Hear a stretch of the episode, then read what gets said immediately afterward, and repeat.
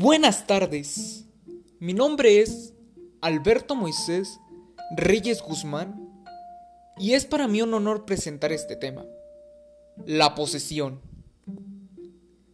Este es un tema bastante controversial, ya que para muchos le gusta denominarla la hermana bastarda de la propiedad.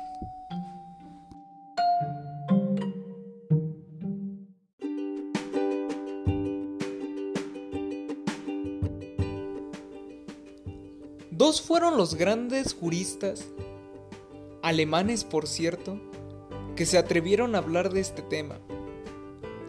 El primero es Friedrich von Savigny, o como lo dirían con nuestro ya tan acostumbrado cambio de nombre por el idioma, Federico Carlos von de Savigny. El otro jurista, Caspar Rudolf von Eyring o Rodolfo von Eyring, fueron los que generaron un mayor debate sobre la posesión. Pero es importante mencionarlos, ya que después de estos dos no hubo un gran estudio sobre el mismo tema, sino que se estudió las posturas de ambos generando un debate entre los distintos juristas y doctrinarios del derecho. Friedrich von Savigny nació el 21 de febrero de 1779 en Frankfurt. Llegó a ocupar el grado de doctor en jurisprudencia el 31 de octubre de 1800. Este grado lo obtuvo durante 61 años hasta el día de su muerte el 25 de octubre de 1861. Por otro lado tenemos a Caspar Rudolf von Eyring. Nació el 22 de agosto de 1818 en Aurich, una pequeña ciudad situada en la desembocadura del río Ems, frente a la costa holandesa. Von Eyring fue conocido por ser un gran artista y debido a su gran personalidad, Von Eyring logró tener obras más difíciles de entender. Su obra más conocida es El espíritu del derecho romano, en las distintas etapas de su desarrollo.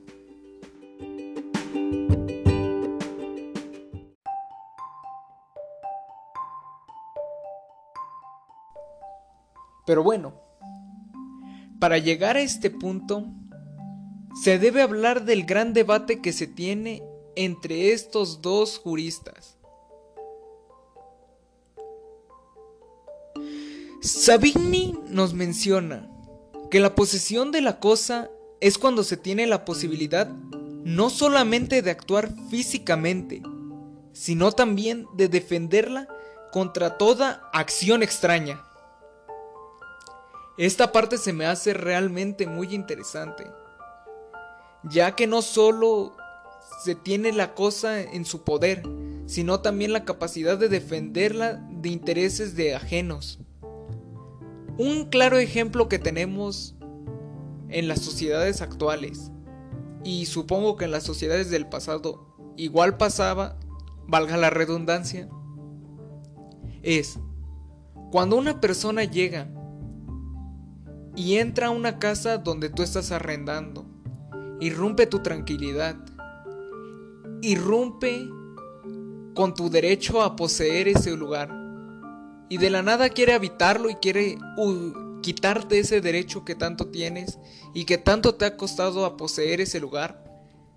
A pesar de que tú no eres propietario de él, tú lo vas a defender, ¿no? O como diría aquel presidente de los años 80 que tuvimos en México, lo defenderé como un perro. Y es la verdad. Y voy 100% con Savigny. Pero también, Savigny nos menciona que solo puede ser poseedor aquel que se comparta como aquel que se comporta, perdón, como propietario de la cosa. La posesión no es solo tener la cosa y hacer lo que quieras con ella, es respetarla, es tener la voluntad de querer cuidarla. Y esto nos lo menciona Savigny y nos dice el animus. Pero también Savigny en este caso menciona que hay una gran anomalía en cuanto a la posesión derivada. La posesión derivada la tiene el arrendamiento vitalicio o el hereditario, el acreedor prendario, el secuestrario y el pecarista. El pecarista en el Estado romano era aquel al que se le entregaba una parcela del ager publicus o suelo público en obligación de restituirla. Sin embargo, para Savigny la posesión debía estar unida a la propiedad y no a la tenencia. Savigny también, en su vasto conocimiento del derecho romano, nos menciona que el propietario carece de protección posesoria, y es algo que criticó y muy fuerte, ¿eh? Pero para hablar bien del debate entre estos dos juristas, o el debate que han hecho los estudiosos de estos dos juristas, debemos analizar la postura de Haydn. Para esto tenemos dos obras, la protección posesoria y la voluntad en la protección. Haydn rechaza el catálogo de actos posesorios y la definición de Savigny. Haydn dice que no solo consiste el poder físico de la cosa, sino también la exterioridad de la propiedad. Como todos sabemos, en las normas jurídicas debe haber siempre exterioridad y coercitibilidad. Para esto, Haydn hizo una excelente interpretación al decir que debe haber exterioridad en la cosa, si no, no sería derecho. Pero también dice que la posesión queda excluida si el poseedor era representante o dependiente. Y esto no solo lo encontramos en Hiring o en o en este Savigny, sino también lo encontramos en nuestra legislación civil del estado de Veracruz. Me gustaría pensar que nuestros legisladores se enfocaron en estas teorías de estos grandes doctrinarios del derecho. Y bueno, para darle el crédito a los legisladores que hicieron esta ley, me gustaría decir que en el artículo 829 de nuestro Código Civil del Estado de Veracruz encontramos, cuando se demuestre que una persona tiene en su poder una cosa en virtud, en virtud de la situación de dependencia en que se encuentra respecto del propietario de esa cosa y que la retiene en provecho de éste, en cumplimiento de las órdenes e instrucciones que de él ha recibido, no se le considerará poseedor.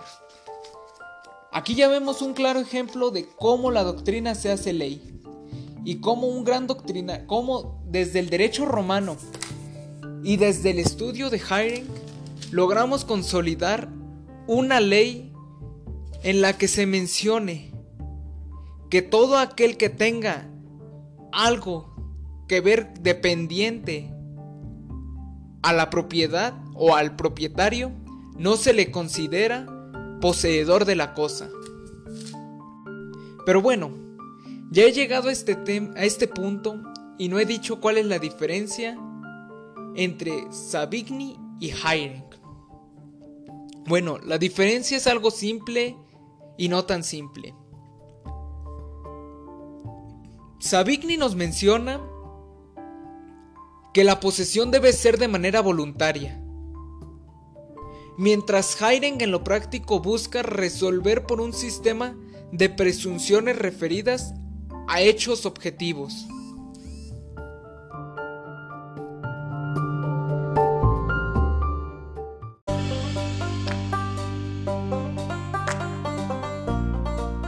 Finalmente, Haydn no delimita la voluntad, no la demerita.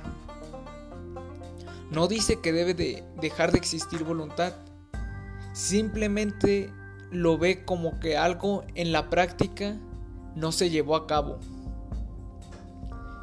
Pero muchos también dicen que Haydn es un complemento a Savigny y no alguien que lo contradice. Y esto creo que va, va muy bien debido a que Haydn fue un hombre que nació después, que estudió a Savigny y que a pesar de no tener ese gran prestigio que tuvo Savigny, logró desarrollar una gran idea acerca de lo que es posesión. Y creo que con eso me quedo. Con que Haydn es la continuidad de Savigny y su complemento.